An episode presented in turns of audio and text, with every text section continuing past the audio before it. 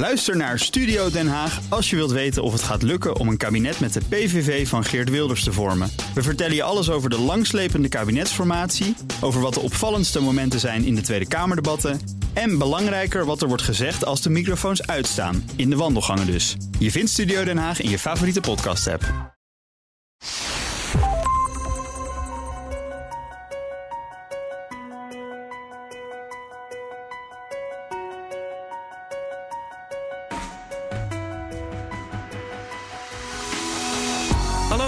Ik ben Kees Dorrestein. En ik ben Diederik Gommers. Ja, bekend IC-arts en OMT-lid. En in deze podcast beantwoordt hij jouw coronavragen. Stuur je vragen naar me op via WhatsApp 06 8370 9229, via de mail gommers.bnr.nl of via Instagram BNR Nieuwsradio. Dan leg ik ze aan hem voor. Vraag het. Gommers. Goed dat je luistert, dat je misschien een vraag hebt gestuurd. We hebben onder andere leuke vragen in deze aflevering. Of boosteren nog wel nodig is als je recent corona hebt gehad. En wat weten we nu over de geheugencellen en de werking daarvan op lange termijn? En heb je zelf een vraag, mag je die natuurlijk insturen. Maar dan wil ik eigenlijk wel dat je even abonneert op deze podcast. Sowieso, als je dat nog niet gedaan hebt, abonneer er even op. Klik op het hartje of op het plusje. Dat ligt even aan welke podcast app je gebruikt. En dan krijg je elke keer een melding als er een nieuwe podcast er is. En dan hoor je dus ook als je vraag voorbij komt. En als je voor het eerst inschakelt en denkt... hey, dit is hartstikke leuk. Nou, abonneer eventjes. Dan eh, blijf je op de hoogte van alle ontwikkelingen en medische onderzoeken. Want tegenwoordig kijken we ook wat breder hè, welke onderzoeken er liggen. Ehm Diederik, hoe is het? Want ja, je hebt net afscheid genomen hè, als voorzitter Ja. van de Nederlandse IC-vereniging. Ja. Ja, het is, eh, nou ja, ik bedoel, ik heb het gewoon hartstikke leuk en ik ben hartstikke druk bezig. Maar ja, ik ben geen voorzitter meer. Nee, hoe voelt maar dat? Het voelt eigenlijk ook wel weer goed. Ja? Het, het lijkt wel of je dan... Ja, ik, ik heb weer tijd voor andere dingen. Maar ik bedoel, daar was ik al lang mee bezig. Maar ja, het, het voelt ook wel weer goed. En ik heb een ongelooflijk goed gevoel bij mijn opvolger. En, en we kennen elkaar al heel lang. En dan hebben we ook natuurlijk samen in het bestuur gezeten. Dus ja, nee, ik heb er alle vertrouwen in dat hij het voortzet. En dat geeft mij ook wel een goed gevoel. Dat, dat je niet iets ergens aan gebouwd hebt... en dat er een ander komt en die het totaal anders gaat doen. Dus nee, dus het voelt helemaal goed. En eh, nu heb je heel veel tijd over in één keer. Of niet? Ja, dat hoop ik dan. Hè? Maar, maar mijn agenda zit weer gelijk vol. Dus al die dingen die ik nu in mijn agenda zijn... die konden de vorige keer niet in. En nu staan er weer andere dingen. Nee, maar ik heb gewoon een gave baan. En, en je blijft OMT-lid. Dat eh, hebben we ook gehoord. Ja, maar de OMT, dat is alleen nog deze maand. Hè. Dat, daarom was er ook de afspraak dat ik nog OMT zou blijven. Omdat het echt op zijn eind loopt. Ehm, en we hebben vandaag, hè, vrijdag, weer een OMT-vergadering. En de verwachting is dat er nog eentje komt. Mogelijk. En dan stopt het OMT in zijn huidige vorm. Oh, en dus dat is, is ja. eigenlijk ook het idee waarom ik het nog zou afmaken voor die paar keer. Precies, dus het is in, in maart. Dan, dan is het natuurlijk 8 maart zou Freedom Day zijn. En er helemaal geen maatregelen meer. Dan bestaat eh, het OMT ook niet meer. Kijk, het OMT is natuurlijk, dat is het Outbreak Management Team. Dat kan altijd weer terugkomen. Maar het OMT, wat we twee jaar lang, ruim twee jaar lang voor de COVID hebben gedaan, stopt. Gaat in slaap, winterslaap. Ehm, en dan kan de voorzitter het ter alle tijden weer oproepen als er weer behoefte aan is. Maar het ziet er nu gewoon naar uit dat we totaal gaan versoepelen ehm, de komende maand. Ja, dan hoef je ook geen OMT voor hele moeilijke adviezen. Nee, nee, precies. En ja, er, er wordt nu gesproken inderdaad mogelijk festivals open... en per maart dan alles eraf. Eh, als per maart alles er dan afgaat, is dat ook... eh, ook direct het corona-toegangsbewijs en de 1G waar we het over hebben voor festivals, dat, dat, dat hoeft dan ook niet meer. Dan, is het, dan zitten we op een punt dat, het, dat we eigenlijk net zoals Denemarken helemaal niks meer hebben. Ja, ik, ik, ik voel me daar helemaal geen expert in. Dus ik vind eigenlijk ook heerlijk dat ik daar niks van hoef te vinden. Oké. Nee, ja, bedoel, dan wordt het echt heel specifiek infectieziekte. En hoe ga je van een pandemische fase naar een endemische fase? Kijk, eh, waar ik de afgelopen twee jaar mee bezig heb gehouden, is echt het ziektebeeld, het vaccineren en die opnames. En wat gebeurt er in een ziekenhuis? Maar dit soort grote besluiten met grote bevolkingsgroepen, ja, dan, daar heb je echt andere experts voor nodig. Dus ik, ik wacht ook gewoon lekker rustig af wat Ja. er gaat gebeuren. Nou, precies toch? Ja, nee, maar ik bedoel, ik wil ook gewoon weer mijn vrijheid terug, toch? Het eh, allermooiste is, eh, we hadden het vorige podcast hadden we het over ehm, Daar hebben we heel veel opmerkingen over gekregen. Dus daar moet ik even mee beginnen voordat we naar de eerste vraag, die ook heel goed is, gaan. Ehm, de- jij zei: Ik ken geen mensen die niet gevaccineerd zijn en die geen corona hebben gehad. Nou, ondertussen hebben zich meerdere mensen gemeld, ook op de mail en op de app. Van ik, eh, ehm, voor wat ik weet, eh, heb ik nog nooit corona gehad en ik ben niet gevaccineerd. Dus er zijn er waarschijnlijk nog een paar in Nederland. Ja. Eh, maar ja, dus verwachtingen zijn wel dat iedereen het ooit een keer eh, gaat krijgen, natuurlijk. En snel, omdat Omicron zo besmettelijk is. Ehm, Tanja, de allereerste vraag. Zij zegt, ik reageerde heftig op de vaccins. Nu heb ik zelf corona en daar reageer ik ook heel heftig op. Kan dat met elkaar te maken hebben? Ja, kijk, wat, wa- het is lastig. Wat je, wat je ziet is dat er wel heel veel literatuur en uitspraken zijn gedaan van mensen die eerst een infectie, corona hebben gehad en daarna het vaccin kregen. En die mensen die het vaccin kregen, die hadden heftige reacties eh, als je al eerder corona had gehad, dus een infectie doorgemaakt hebt. En wat je natuurlijk doet, is je stimuleert je, je immuunsysteem en dat prikkel je. En daardoor was het idee dat je dan misschien meer hoofdpijn, spierpijn, koorts, vermo- vermoeidheid, dat, soort heftige klachten Als kan. je corona krijgt na een vaccin. Nou, eigenlijk als je eh, eerst corona had en daarna het vaccin hebt gehad, want die bijwerkingen zijn eigenlijk heel goed bijgehouden door de LAREP. Als je het omdraait, wat zij eh, beschrijft, is dat ze zegt: Ik heb eerst het vaccin, daar reageerde ik al heftig op, en daarna heb ik corona en daar reageer ik weer heftig op. En die is lastiger, omdat we dat.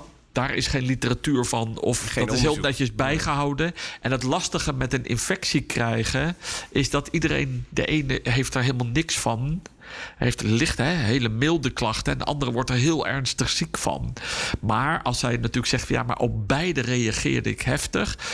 Het, nou ja, als ik het zo kan antwoorden, dan zou ik zeggen: ja, haar, haar immuunsysteem wordt heftig, wordt sterk geprikkeld. En dat, hè, dat betekent dat die antistoffen en alle cellen worden geactiveerd. Ehm, en dat voelt zij blijkbaar met dit soort eh, Dus dat klachten. het ook goed reageert. Want op het moment dat het zo heftig reageert, dan gaat het direct in actie.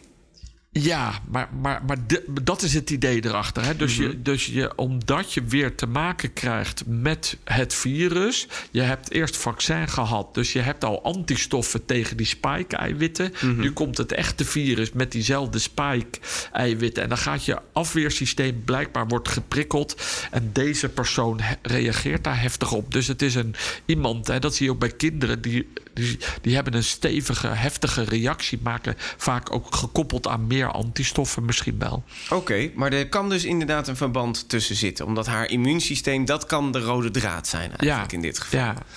Ehm, Joep dan, die zegt... is dit niet het moment, met al die versoepelingen... om ook gewoon met corona op pad te gaan en te gaan werken? Net zoals vroeger, dat als je dan een licht griepje had... dan ging je ook naar het werk. Eh, omdat het dan minder heftig is. Mensen zijn gevaccineerd en de meesten hebben amper klachten. Ja, hele goede vraag. Omdat we het allemaal het gevoel hebben dat we daar naartoe gaan. Eh, hè? En dan eigenlijk is dat de fase van dat je van een pandemie naar een endemische fase Ja, net zoals gaat. de griep is dat. ja, dat is eigenlijk het griep. Want met de griep doen we ook, gaan we ook niet heel te testen of je griep hebt. Nee. Maar we zeggen wel altijd tegen degene: als je nou klachten hebt en je bent verkouden en dingen. Als het licht is, ga je wel werken. Maar als je zware klachten hebt, dan wordt het toch eigenlijk ook vriendelijk verzocht. Afhankelijk van welk bedrijfstak je werkt. Maar als het in een hoge risicogroep is, dat je niet komt werken. Want dan besmet je andere mensen. En dan vallen die ook weer uit. Nou, dat, zo, dat is natuurlijk waar we nu in zitten. Dat het nu nog zo is. Van luister eens, ehm, nu met die Omicron en zeker met die BA2-variant, die is zo besmettelijk dat als je klachten hebt en je zou nu gaan werken en je zit dus dicht bij je collega's, ja, dan besmet je heel veel mensen. En er kunnen er een aantal wel ziek van worden. En dat ze zo ziek worden dat ze niet kunnen komen werken. Dus in die fase zitten we eigenlijk nog niet helemaal. Nee, dus het is wachten totdat we, wat, dat het, wat de besmettingen misschien ook wat meer zijn afgenomen. en Dat we... Nou ja, besmettingen zijn afgenomen. Of dat je zegt van oké, iedereen is nu zoveel besmet. Er komt dadelijk een momentum dat je het loslaat. Omdat je eigenlijk gewoon de totale afweer van de Nederlanders is van die naar het dat, dat, Ja, dat, dat, Omdat zoveel mensen het hebben gehad eigenlijk. ja, want En- bedoel, hebben, we hebben heel veel ingezet op vaccineren. Want daarvoor moesten we antistoffen krijgen. Maar nu met die Omicron zie je hoeveel jonge mensen nu geïnfecteerd zijn. Ja, die hebben natuurlijk dan ook afweer. Dus ja, er is nu heel veel immuniteit. Eh, en dan kan je het op een gegeven moment ook loslaten. En nou ja, wa- waar we tegenaan lopen is die hoogrisicogroep nu. En dat zie je nu de laatste weken. hè. Je ziet nu dat het daar in de buurt de mensen nu ziek worden. Hè. Eerst zat het in januari vooral bij de jongeren. Nu zie je de laatste dagen, laatste week... dat natuurlijk meer de 60-plussers ziek worden. Eh, ja, en daar is natuurlijk heel veel mensen... zijn daar wel goed geboosterd, maar ook mensen niet. Dus die lopen meer risico om dan toch wel ziek te worden. Ja, dus eh, eigenlijk om het een beetje samen te vatten, correct me if I'm wrong natuurlijk. ehm, dat op het moment dat we dit nu zouden doen, wat Joep zegt, gewoon naar het werk gaan, dan eh, komt er, komen er in één keer zoveel besmettingen. En dan kan het ook zo zijn dat in die risicogroep, die dus misschien naar het ziekenhuis gaat, dat het daar weer een beetje te veel gaat pieken. Ja. En dat is ook waar we natuurlijk, natuurlijk op afgaan. Hè, want er is natuurlijk een roep, en de minister heeft het ook kenbaar gemaakt al aan de Tweede Kamer, dat hij eigenlijk door wil pakken met versoepelingen. Nou, we moeten even afwachten of dat gaan, gaat gebeuren. Maar dat komt dadelijk 27 februari, is carnaval. Stel je voor dat die versoepelingen zijn. Ja, dan gaan we gewoon weer met z'n elkaar carnaval vieren. Ja. Nou, laten we het hopen voor de Brabanders en de Limburgers. Maar dat betekent wel weer dat je natuurlijk ongelooflijk risico krijgt. Dat die mensen elkaar natuurlijk besmetten. Eh, dat gaat natuurlijk ook gebeuren. Maar dan bestaat wel weer risico dat je, nou ja, de mensen die daar dan eh, in de hoogrisicogroep zitten, onderliggende ziekte, dan wel de ouderen, al of niet goed gevaccineerd. Maar ook al ben je gevaccineerd en geboosterd, kan je natuurlijk toch weer ziek worden. Ja, dan krijgen we toch wel weer een verspreiding van het virus in die groep. Maar ja, we hopen dat dat nu goed gaat. Ja, dit werd ook al. eh, ik hoorde dat nog op de radio hier naartoe toen, voor de opname. Dat er over nagedacht wordt om carnaval eh, te vieren met 1G. Dus dat je inderdaad allemaal getest moet zijn. En als je dan een negatieve test hebt, kan je gewoon carnaval vieren. Dat Ja. is nu een beetje het idee. Maar ja, Ja. dat moet natuurlijk het kabinet besluiten. Ja. Ehm, dat weten we nog niet als we deze podcast uitzenden. Elisabeth en Sabine dan. Die hebben nagenoeg dezelfde vraag. Die zeggen: Als bijna alle maatregelen komen te vervallen. Hoe moet het dan met de groep mensen die immuun gecompromitteerd zijn door onderliggend lijden of door medicatie? Zij hebben een verminderde weerstand en vaak geen of geringe respons op alle vaccinaties en boosters. Die regenkof-antistoffen, die dus bij eventuele opname nodig zouden zijn, die zouden ook niet werken, hadden ze gelezen, eh, op de nieuwe Omicron-variant. Ehm, klopt dit? En wat moet er gebeuren om dan toch deze groep een beetje te beschermen als straks alles open gaat? Ja. Nou, heel scherp van ze, want dit is dus de risicogroep. En we hebben nu, merken we dat de, dat de nieuwe minister zegt van... we moeten het beleid gaan aanpassen. Dus we moeten niet alleen maar deze hoogrisicogroep beschermen. We moeten ook kijken dat, hè, dat de gezondheidszorg doorgaat... maar ook dat de economie kan doorgaan. Dat we niet alles meer op slot doen. Maar dan is dit wel het gevaar, deze hoogrisicogroep. En dat kunnen, hè, dus vandaag kwam ook naar buiten... dat mensen die net een niertransplantatie hebben gehad... Ehm, en daarvoor ehm, medicijnen nemen dat die nieuwe nier niet wordt afgestoten. Die hebben ook het hoogste risico om COVID te krijgen. Echt waar? Ja, zes keer hoger. En, en, eh, dus die, want die maken weinig af, eh, antistoffen. Dus die zijn wel gevaccineerd, maar zij hebben toch een hoog risico dat ze toch ernstig ziek worden. Ja, dat blijft een risico. Dus die mensen moeten zich eigenlijk zelf in bescherming nemen. En dat weten we ook van transplantatiepatiënten en mensen die dit soort medicijnen nemen. We kennen dat ook van mensen met een B-mergtransplantatie. Hè, die hebben ook heel weinig afweer. Die hebben ook ge- gevoelige fase recent na een B-mergtransplantatie. Ja, die mensen lopen echt een hoog risico. En dus we zeggen nu, ja, we gaan dus versoepelen. We gaan de, het openstellen. Maar ja, dan hebben deze mensen, als ze dan dicht bij andere mensen komen, een verhoogd risico dat ze in contact komen met het virus. Maar wat moeten we dan doen voor deze mensen? Ja, die moeten zich vooral, dat is wat we nu zeggen, zichzelf de verantwoordelijkheid nemen om zichzelf goed te beschermen. Dus als dus eigenlijk het liefst in een bubbel leven waar, waar ze mensen die ze, die ze tegenkomen, waar ze weten van dat ze niet ziek zijn, of als ze hun bezoeken, dat ze dan getest zijn. Uh, maar zij moeten eigenlijk uh, of een mondkapje dragen of wel de anderhalve meter. Maar ja, als je dan de, de metro in moet of de trein in moet en al die mensen hebben dadelijk al of niet geen mondkapjes meer op, ja, dan hebben deze mensen een hoger risico. Dus die moeten echt zelf maatregelen nemen om zichzelf te beschermen. En zij zeggen Regenkov zou dus niet meer zo goed werken bij de nieuwe varianten. Jullie gebruiken dat uh, middel ook in het ziekenhuis? Hè? Ja, dat gebruikten we bij de Delta-variant. Dus als we mensen in het ziekenhuis kregen, en zeker op de intensive care, en ze hadden geen antistoffen, dan kregen ze van ons die Regenkov. Hè. Dat zijn die antistoffen gemaakt in het laboratorium. Uh, we kennen het nog van Rona, of, uh, hoe heet die? onze president die het toen kreeg, de Amerikaanse president. Oh, Donald Trump. Donald ja. Trump. En, en dat werkt heel goed. Het blijkt alleen nu met die Omicron dat het niet werkt. Dus oh. het is een duur medicijn. Dus ja, nu geven het niet meer. Want bij, bij de Omicron werkt het niet. Nee, precies. Oh, dus, dat is, dus daar zou dan eigenlijk een nieuwe Regenkov-medicijn uh, zou er dan moeten komen. Ja, dat zal wel achter de schermen hard aan gewerkt worden. Maar deze, dit medicijn werkt goed bij de Delta-variant, maar niet bij de Omicron. Ja, en voor als je nu luistert en denkt... hé, hey, ik heb hierover gehoord. Of als je net pas naar de podcast luistert, abonneren. Hè? Nee, nee, grapje. Uh, doe, doe lekker wat je, wat je zelf wil. Maar um, die regen en kof, dat is eigenlijk gewoon inderdaad antistoffen voor mensen die geen antistoffen maken. Een soort van ja. kunstmatige antistoffen. Ja, wat we doen is, hè, we, we, we, meten dan of je antistoffen hebt. Dus eerst de PCR als je dan COVID hebt. En dan meten we het aantal antistoffen. En als je dan blijkt dat jij nagenoeg geen antistoffen hebt... dan krijg je regenkof als je in het ziekenhuis wordt opgenomen met COVID-achtige klachten. Oké, okay, wauw. Um, maar die werkt dus niet meer. Nee, nee ja. dus nu geven we het niet meer. Helaas, ja. Um, de vraag dan van Sanne, Frank, Marit en Saskia. Die hebben allemaal uh, twee keer uh, hun vaccin gehad. Hebben ook allemaal Omicron gekregen. Uh, en ze moeten nog boosteren. Want ze hebben Omicron gekregen op het moment dat ze een booster zouden moeten nemen. Dus hebben ze niet geboosterd. Want dat hoeft niet. Er moet drie maanden tussen zitten. Ze vragen zich nog af: ja, moet ik over een paar maanden nou nog een booster nemen? Of is dat niet meer nodig? Nou, eigenlijk is dat heel mooi. Zij hebben eigenlijk de superimmuniteit, blijkt uit studies. Want het mooie is, ze zijn goed gevaccineerd. Daarna kregen ze die infectie, uh, die Omicron-infectie. Dus het kan zijn, omdat ze gevaccineerd was, ook al was het Omicron, hadden ze niet het risico dat ze ernstig ziek werden. Want daarvoor waren ze volledig gevaccineerd.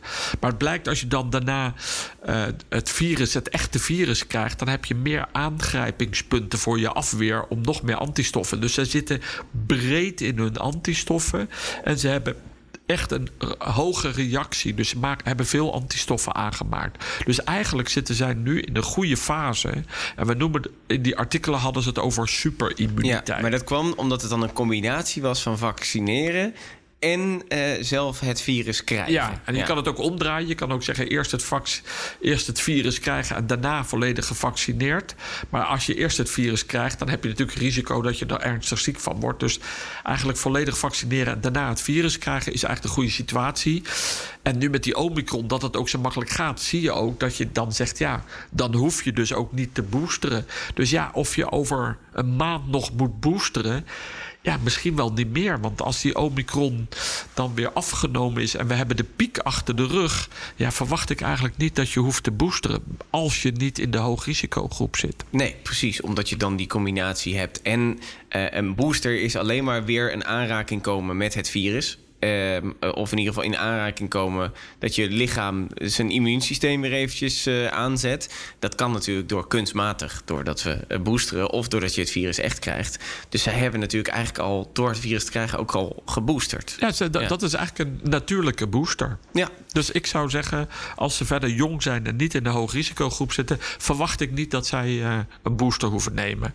En voor de hoogrisicogroep wordt nu nagedacht of die dan straks in maart al of niet wel nog een booster moeten nemen. Maar dat hangt heel erg af of dan de golf, de Omicron-variant, eigenlijk nog in Nederland circuleert of dat die toch alweer verdwenen is. Ja, en uh, we zijn over de piek heen. Natuurlijk. Ja, we zitten we daar zitten een beetje in een plateau op. Hè, op Ja, moment. nou, het is, het is niet helemaal duidelijk. Het lijkt erop dat we er in de buurt van die piek zitten, maar je wil even duidelijk een daling Ja. zien. Maar als die daling er zit, dat, dat is ook belangrijk dat die daling er komt, want dan wil je ook versoepelen. Je wil niet versoepelen als je nog op de stijgende deel zit. Je wil versoepelen, want dat heeft ook eh, Engeland en Denemarken, die zijn gaan versoepelen op het moment dat het ging dalen. Willem, die zegt: Ik ben 25, volledig gevaccineerd, twee prikken. Maar de booster, die heb ik nog even laten staan. Een motivatie om de booster te nemen zou overdracht van het virus zijn. Mijn vraag is dan ook: eh, weet jij hoeveel verschil er zit tussen de overdracht van het virus van iemand die twee prikken heeft gehad en iemand die drie prikken heeft gehad wat betreft Omicron? Kan je het makkelijker overgeven? Wa- Wat we weten is dat die Omicron ehm, dat die net zo veranderd is, zodat die antistoffen die je hebt eigenlijk net niet helemaal fantastisch passen. Dus eigenlijk grijpt die net niet helemaal lekker aan. Dus en daarmee zie je eigenlijk ook dat meer mensen ziek worden. En op het moment dat meer mensen ziek worden en ze hebben dus virus en dat virus kan zich vermenigvuldigen en ze hebben ook klachten, dan zeggen we eigenlijk op het moment dat je klachten hebt, lees je hoest, niest, ehm, dan kan je dat virus overbrengen aan anderen. Dus eigenlijk zeggen we je. ehm, met die volledige vaccinatie, met die Omicron, ben je eigenlijk niet optimaal beschermd. En dus kan je het ook makkelijker doorgeven aan een ander. We weten ook als je de booster neemt, dan zit je weer hoger in je antistoffen. Heb je, loop je weer minder gevaar op infectie. Maar het is nooit zo goed als we het zagen bij die Delta-variant. Toen zaten we echt in de buurt van ruim boven de 90. De buurt van 95. En nu zitten we daar echt wel een on- stuk onder. Hoeveel zitten we eronder dan? Nou, we zitten zo rond de 80, 85 eh, procent, afhankelijk van je leeftijd een beetje. En dat is de bescherming tegen het krijgen dan? Of? krijgen van infectie. De vraag is, is dan transmissie? En daar heb je niet zo harde getallen voor. Want dat moet je echt in de studie bekijken. Dan moet je eigenlijk zeggen, als je dan in huishoudens... als dan één iemand geïnfecteerd is met het omicron... en de anderen zijn allemaal geboosterd... hoe groot is dan die transmissie? Hoeveel mensen worden ook ziek? Daar zijn wel studies van, ehm, maar die zijn... Dat is weer heel lastig, want die zijn weer niet van de Nederlandse situatie. En die zijn dan in Engeland gedaan of in Denemarken. En dan hangt het weer af van welk. In, in, in eh, Engeland hadden ze vooral AstraZeneca. Ja. Wij boosteren dan weer vooral met de mRNA-vaccins, enzovoort, enzovoort. Dus eigenlijk wat je kan onthouden is...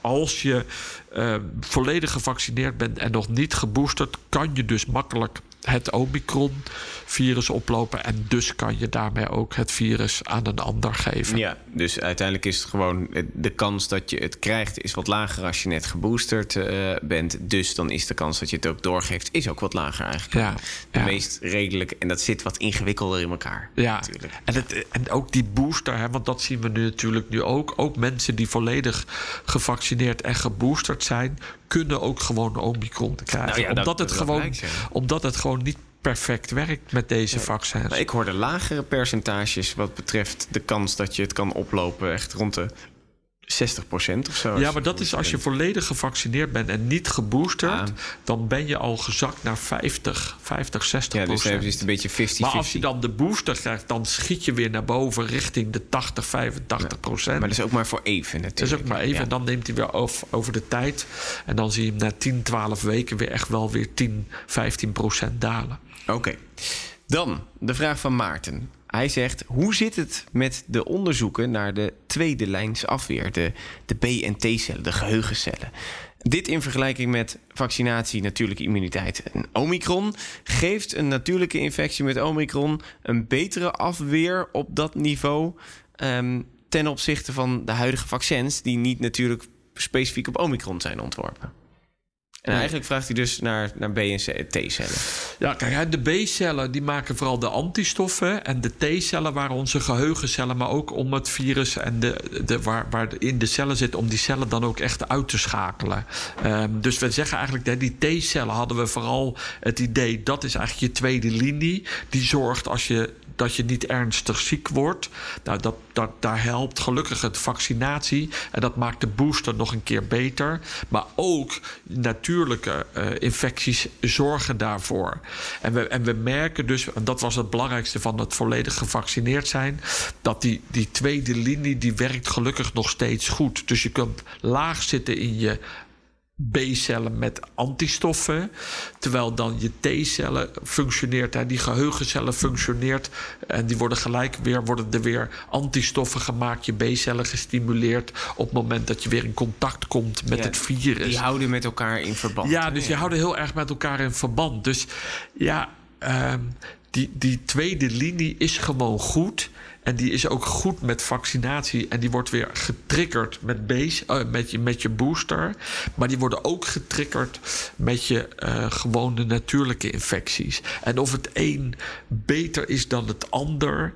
Ja, we zeggen altijd dat het natuurlijke virus is beter om je afweer te stimuleren. Maar ja, de booster, de mRNA-vaccins doen dat eigenlijk ook goed. Dus ik kan niet zo goed zeggen of het op deze vraag of nou dat een beter is dan het ander. Het is eigenlijk die tweede linie, hè, die T-celfunctie is gewoon goed tot nu toe. Net, precies, dus dan hebben we het over inderdaad de geheugencellen na je tweede prik of je derde prik. Maar ik, ik vraag me af of daar al data over is, of de geheugencellen na de derde prik, die, die blijven dus goed.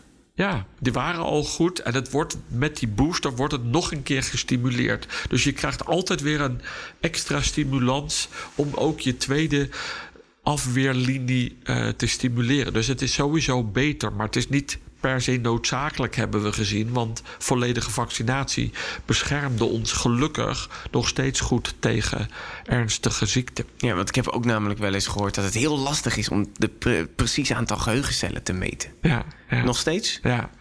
Wat verdikke, je zit al twee jaar uh, ben, je, ben, je, hier aan het werk en je hebt er nog niet een techniek voor gevonden. Nee, gelukkig. Maar dit nee. gaat niet over. Nee, dan moet je echt, uh, dan, dan, moet je die, dat helemaal sequencen, toch? Dan moet je het helemaal tot in detail uh, uitwerken. En dat zijn hele dure onderzoeken volgens mij ook. Dat als je de T-cellen wil weten van iemand. Ja, dat weet, ik, dat weet ik eigenlijk niet precies. Oh. Maar ja. Nou, dat we even opzoeken. Ben jij een T-cel-onderzoeker? Meld je. Uh, dan mag je best even een keer komen vertellen hoe die onderzoeken dan werken en waarom het zo lastig is. Um, dan de vraag van Ruben. Bij kinderen van 12 tot en met 17 jaar is het advies vanuit de Nederlandse Gezondheidsraad om niet te boosteren. Ze zagen het, het medische nut niet. Uh, waarom verloopt hun QR-code dan wel na 270 dagen? Die is natuurlijk een beetje, maakt zich een beetje zorgen om de vakantie. Ja, maar daar, maar daar, hebben ze ook wel gelijk in. Hè? Ik vond het echt goed dat de Gezondheidsraad heeft echt gekeken van jongens. Hebben die kinderen er voordeel van om die booster te nemen? En toen hebben ze heel goed ge gekeken en die zeggen: Nou, het risico dat een kind ernstig ziek wordt, is heel erg klein met die Omicron. Uh, hè, ook het mis C is in deze groep niet een groot risico. Het, die kinderziekte is dat. Ja. ja. Um, en dus zeggen ze, ja, dan heeft die booster eigenlijk geen waarde. En je loopt toch, ook al is het klein, kan je natuurlijk toch een hartspier uh, of een hartzakje ontsteking krijgen. Dat zijn nou ernstige bijwerkingen. Maar, maar dan kom, kom, als het voordeel, het medisch voordeel, niet echt is en je hebt toch een klein risico. Dan hebben zij dus gezegd: op medische gronden vinden wij het niet nee. nodig. Het voordeel overweegt het nadeel eigenlijk uh, van. Normaal gesproken. Ja, normaal en, gesproken, en nu ja. zeggen ze: er is te weinig voordeel. Ja. En dan zeggen ze: ja, dus moet je het niet doen. Dat is het advies. Ja, dan moet, dan moet het ministerie gewoon sneller aan het werk. Dat ze dan natuurlijk wel een besluit nemen dat je je groene vinkje houdt. Ja. Want anders zou het raar zijn. Dus volgens mij zit daar gewoon een vertraging in, hoop ik. Mm -hmm. Want dit is een medisch. Het advies van de gezondheidsraad. Ja, daar moet het ministerie gelijk mee aan de slag en overnemen. En tuurlijk moeten die groene vinkjes gezet worden. Want ik denk dat er aan het eind van de maand mensen op wintersport willen. Ja, nu is het wel zo dat. Eh, de, sommige landen hebben dan weer andere wintersportregels. En daarbij is het ook zo dat ehm, de meeste kinderen die hebben nog tot mei een groen vinkje. Ja, nou, Omdat die gelukkig. natuurlijk laat. Nee, maar gelukkig, Maar dat is natuurlijk wel van belang. Ja, maar het is wel belangrijk dat, dat, dat daar snel even een Ja, conclusie tuurlijk. over Als je zegt van ja, Ja. het is niet nodig. Hè, bedoel, het is alleen maar nodig voor mensen, kinderen die ook in de hoog risico. Hè, je hebt Mhm. natuurlijk altijd kinderen met een onderliggend lijden. Of er kunnen ook kinderen zijn die wel laten boosteren omdat hun moeder of vader eh, in de hoog risicogroep zit. Dus die, die kunnen een booster nemen. Maar de anderen dus niet. Ja, dan moet je wel zorgen dat die mensen, de kinderen met hun ouders mee op vakantie kunnen. Ja, nog ehm, eventjes een opvallende vraag, maar ik vond hem heel erg leuk. Eh, Annette, die zegt... eh, hebben mensen die vanaf jongs af aan verwend nagelbijten... een beter afweersysteem? Zij heeft namelijk een tweeling, niet gevaccineerd, die zijn elf ook. Eén bijt nagels, is niet besmet geraakt... De ander bijt geen nagels, is wel besmet geraakt. En het is een tweeling, dus dat is natuurlijk een mooie groep. Dat is ongeveer eh, dezelfde persoon. Ja, dus ze, ze moeten helemaal hetzelfde genetisch eh, samengesteld zijn. Hè? Eh, als het een een-eigen tweeling is. Maar ehm, ja, dat is natuurlijk een heel lastig antwoord. Maar, maar we gaan, ik ga hem gewoon beantwoorden. Het is natuurlijk gewoon toeval, Mhm. denk ik. Ehm, want ja, van nagelbijten... Maar dan krijg je toch wel viezigheid binnen? Ze ja. zeggen altijd, als je heel veel viezigheid binnenkrijgt... Dan, gaat Ja, dan zou je zeggen, oké, er zit allerlei viezigheid en aarde en zand onder je nagels. En En dat je je zit erbij te neem je dat. Kijk, we weten wel dat als je kind eh, te schoon, hè, te weinig mocht buiten spelen, hadden ze op een gegeven moment meer eh, infecties. Hè. Dus je moet ook als kind gewoon een beetje in de zandbak en in, eh, hè, vies worden, want dat zorgde voor een betere afweer. Daar, dat, dat verhaal ken ik nog. Eh, maar of dat dan ook met nagelbijten zo is, ja. Ja, maar klopt het dan wel dat als je kind inderdaad vaker buiten speelt... dus vaker met andere vieze dingen in, eh, in contact komt... dat ze een betere afweer hebben? Nou ja, dat staat bekend als de orale immunisatie. Hè? Dus immunisatie via je mond, hè, oraal.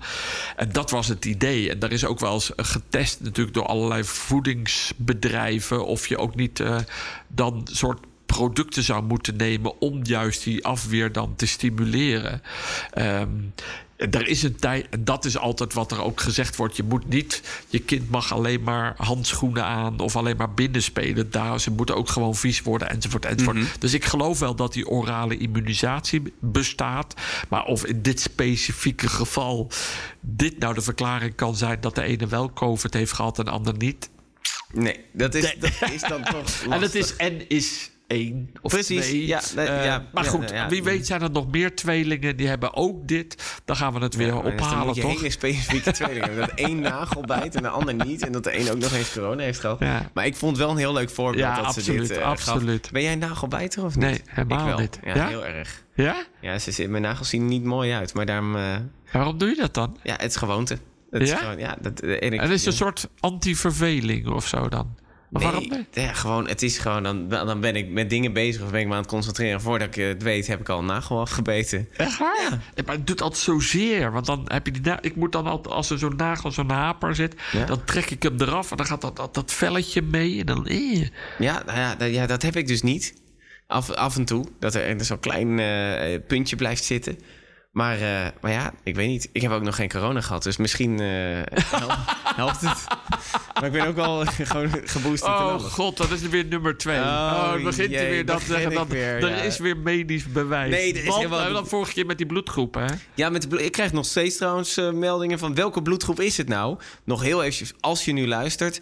Ehm, er zijn onderzoeken geweest die zeiden... hey, bloedgroep O zou misschien wel beter kunnen beschermen. Maar er zijn nu nieuwe onderzoeken uitgekomen... en die zeggen, ja, dat is het toch niet. Dus het lijkt niet zo dat specifieke bloedgroepen tegen corona beschermen. Dus eh, ik blijf daar echt maar vragen over krijgen. Eh, het, is, het is dus helaas niet zo. Op dit moment is er geen wetenschappelijk bewijs... dat er een bepaalde bloedgroep beter werkt tegen corona. Nou, bij deze weer de bijsluiter. en ook dus niet in één keer mijn nagels gaan bijten... en denken dat je Ja. zo niet corona ja, maar dan krijg je krijgt. daarom geen co- corona. Dan krijg je Ja. weer allemaal velletjes zoals eh Diederik... en die doen dan weer pijn en dan krijgen we klachtenbrieven.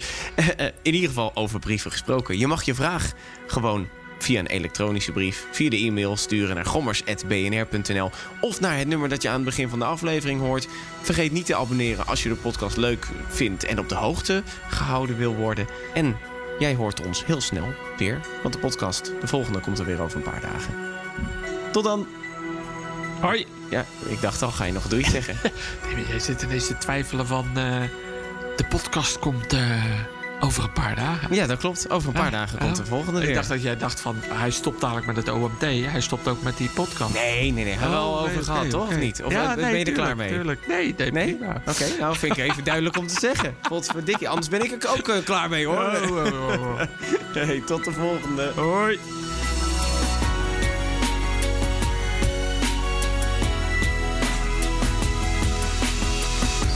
Vraag het. Gommers. Gommers.